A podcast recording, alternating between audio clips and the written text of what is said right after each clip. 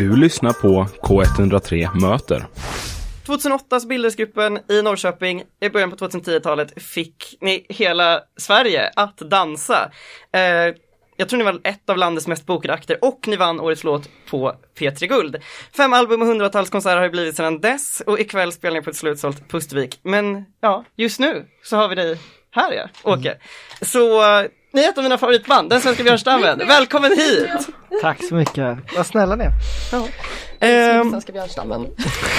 vad sa du? Älskar svenska Ja, björnstammen. who don't? Eh, ja, men vi ska prata om ja, men fjolårets album, Djur och människa, hur turnén varit hittills och men också att det kommit en ny variant av den här årets låt. Eh, som jag tror att alla hört. Eh, Vart som i världen vänder. och ja, den här nya varianten kommer i december, men vi ska också prata om annat som hinns med. Ni släppte albumet Djur och människa i juni 2022 och jag, alltså jag insåg i natt att oj, shit, det är låtar från albumet som jag faktiskt inte har hört. Eh, redan då. Men f- just att det jag vill fråga om, just varför har ni spelat så lite sedan ni släppte albumet? För ni gjorde sex, sju Exakt. spelningar sommaren där. Ja det är så himla mycket logistik att spela och nu vi får ju lite barn och sådär i bandet. Så allt är bara sådana planeringsgrejer. Och sen så det där var mest att jag var så himla trött på jag tycker oftast, oftast gör vi ett album så ska man ha en bra tid att släppa det.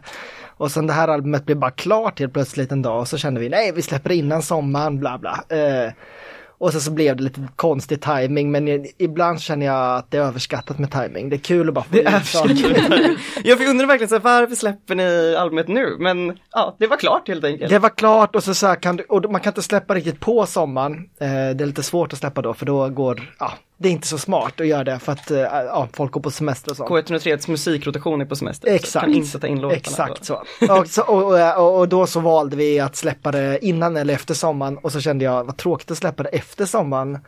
Det är så långt dit. Det, vi släpper det nu så kan vi börja på nästa album istället. Eh, så kändes det. Men hur var responsen på albumet när det kom?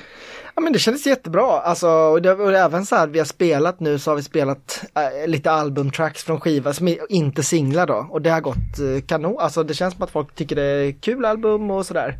Eh, ja nej, jättebra, det, det känns jätteroligt att släppa det. En av låtarna jag upptäckte i natt är den här Snälla kom igen. Mm. Och jag bara upptäckte att det här är jättebra. Jag hoppas ni spelar den ikväll. Det gör vi inte, tyvärr. Fan! Det är en sån här låt som, den är gjord i Dan, eh, kanske man hör också. Vi Ja. är lite olika, Dan och Christian Karlsson som är vår mixare har gjort den ihop.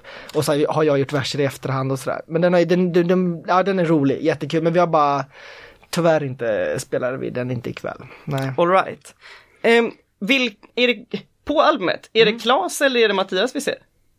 På, det är Ambjörn. Eller det är någon annan, det är Ah, Ambjörn. Ja. All right. visst ser det ut som Claes eller Mattias? Ja, men för jag, jag liksom, jag hade åt ena hållet tänkte så här, det måste vara Mattias, så vände jag på den och så bara, nej det måste vara Klas. Nej. Nej okej, det, är- Rätt det är svar är Mattias bror Ambjörn som är väldigt lika. eh, Ja. Så. Eh, ja, men för, nu också, nu så kommer ju den här turnén nu februari-mars och jag blev lite förvånad när ni släppte den för om jag tycker ofta, nu för tiden tycker jag att artister släpper ofta ja, men liksom album i samband med att de spelar eller släpper musik i samband med att de spelar. Eh, jag berättar varför kommer turnén nu? Men det är lite sådär eh, besvärligt att vara hemifrån ibland när man har små barn för det blir så himla mycket för ens eh, partner att ta hand om helt enkelt. Så då blir det lite att göra sådana jätteturnéer, att spela 20 g att det blir för mycket så då delar vi upp det lite. Eh, det, är bara, det är bara det det handlar om egentligen. Att så här, det är skönt, vi spelar fyra helger och sen så eh, eh, så tar vi en paus och så spelar vi lite senare och det, för oss så känns det som att det funkar väldigt bra så också. Alltså, Ja. eh, det blir ett bra tempo för oss men, och det säljer bra, eh, alltså sådär. Ja för det, det tänkte jag också på att det sålde ju slut jättesnabbt typ både Lund, Uppsala och Göteborg. Ja. Vad hade ni väntat i det? Eh, nej. Nej. jag Inte jag heller, så nu är jag ledsen. Ja, alltså vad fan, för jag minns såhär, ja men typ jag och kompisen skulle säga bara, vi går in och köper biljetter, så bara, men fan, det är Ja, redan slut. Det finns inga vad biljetter. Nej men det, alltså det är väl, jag tror det är lite sådär, eh, just eh, Lund, Ameriet då, där kunde vi få en till kväll så det blev två utsålda kvällar. Det, men, men det stället är så jävla bra och detsamma gäller Katalin i, i Uppsala och Pustervik. Så jag tror man får mycket gratis av att folk så här, folk gillar att gå dit typ. Så många kommer, det är lätt att sälja biljetter där. Det skulle jag säga. Och snor min plats. Ja, så- alltså ni får gärna släppa till datum. Ja, det här med, problemet är att det är många band som inser att det är bra att spela på Pustervik, så man kan Ja. inte få till, alltså det är, ett, det är så här, ibland spelar vi inte på Pustervik och då är det ju bara för att vi inte fick spela, alltså Ja, ja, ja. eh, man har inte varit ute i god, man måste liksom höra av sig jättelångt innan och boka en kväll hos dem och sådär. Så Jag det, minns eh, svårt. en artist vi intervjuade i december, Glenn Nydén, eh, spelade där en gång fredagen den 13. Mm. Jag tyckte det rimmade bra med hans album Det går åt helvete nu, så frågade jag så här, var det uttänkt det skulle vara just den dagen? Ja. Han bara, nej det var det enda lediga datumet. Ingen annan vågade spela. Det är sjukt 13. oromantiskt med, med, med, med, ja nej precis, det där, just sådana där ställen liksom, det är bra, och det, det hände något i Sverige med, när den här DJ-kulturen kom så var det massa klassiska spelställen som lades ner. Mm, För att alla bara, men vi behöver bara ha en bänk liksom, det går bra. Vi och, behöver nu, och, nu, nej. och så kan vi ha en 40-årig, eller för det, jag är också snart 40 liksom, det, men jag menar bara, det spelar ingen roll, eh, det kändes som att DJ-kulturen eh, den krävde väldigt lite från arrangörer och folk, det var skitkul att gå ut ändå. Men nu har ju folk tröttnat lite på, på eh, att kolla på DJs och vill ha livemusik igen. Alltså jag vill ha livemusik. Jag vet, jag vill ha det hela tiden också men, men det, det är så synd för nu finns det liksom inga, massa städer så här, man ska spela i typ Västerås, de bara som vi gjorde nu, då är det så här, var kan vi spela? Och det finns liksom inget, ja det finns inget ställe med en scen. Typ. Nej. Norrköping samma sak, så här, alla ställen har bara lagts ner för att de ställena som var som Pustervik och sådär, de, de, de flesta, många av dem dog helt enkelt under Men vi är glada att Pustervik fortfarande lever. Ja vi är Och så glada för det och alla ställen som finns som kan erbjuda livemusik. Jag, gud jag har så många frågor. Ja, ja. En bara- fråga som jag undrar över, låter jätterandom, men jag undrar, har du sett, det är som en, det är en tweet som föreställer Petson och Findus Mm. Ja, och så står det Stop glamorizing the grind and start glamorizing whatever lifestyle this is. Ja jag vet. Eh, och alltså jag tror, det är en bild på Petson och Findus som bara lever livet på Petssons torp.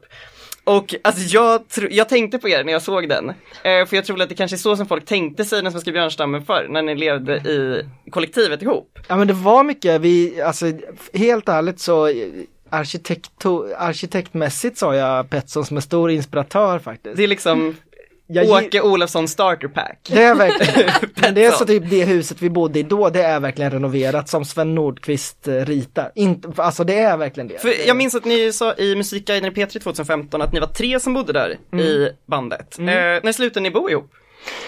Ehm, vi ska runda här, visa dem. Vi, slut, vi har bott ihop i omgångar och kommer säkert bo ihop igen men, men eh, det har med barn att göra. Då är Det det barn att kollektivliv och barn, det är så här, ja det är klurigt. Mm, mm, mm. Eh. Svårt för alla att få plats. Det är det, men vi har kvar huset och det är ett gemensamt sommarställe. Senast ni spelade i Göteborg så upptäckte jag en av era låtar jag inte lyssnat på så mycket innan som jag då insåg att så här, den här låten är så jävla bra. Och den heter Upp och vi ska lyssna på den nu. Ja, kul.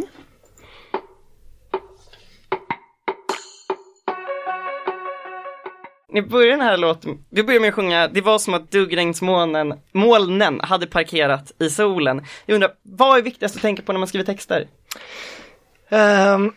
Det- Just för jag tycker ni skriver så bra texter. Ja, snäll det. är det viktigaste te- eh, för min del är bara att skriva saker och sen så liksom eh, pussla med de här grejerna. Men, men det går liksom inte att lägga ett pussel med två ord utan man måste ha, jag måste få mycket text som jag kan laborera med och då handlar det ju om att inte bedöma sig själv för hårt.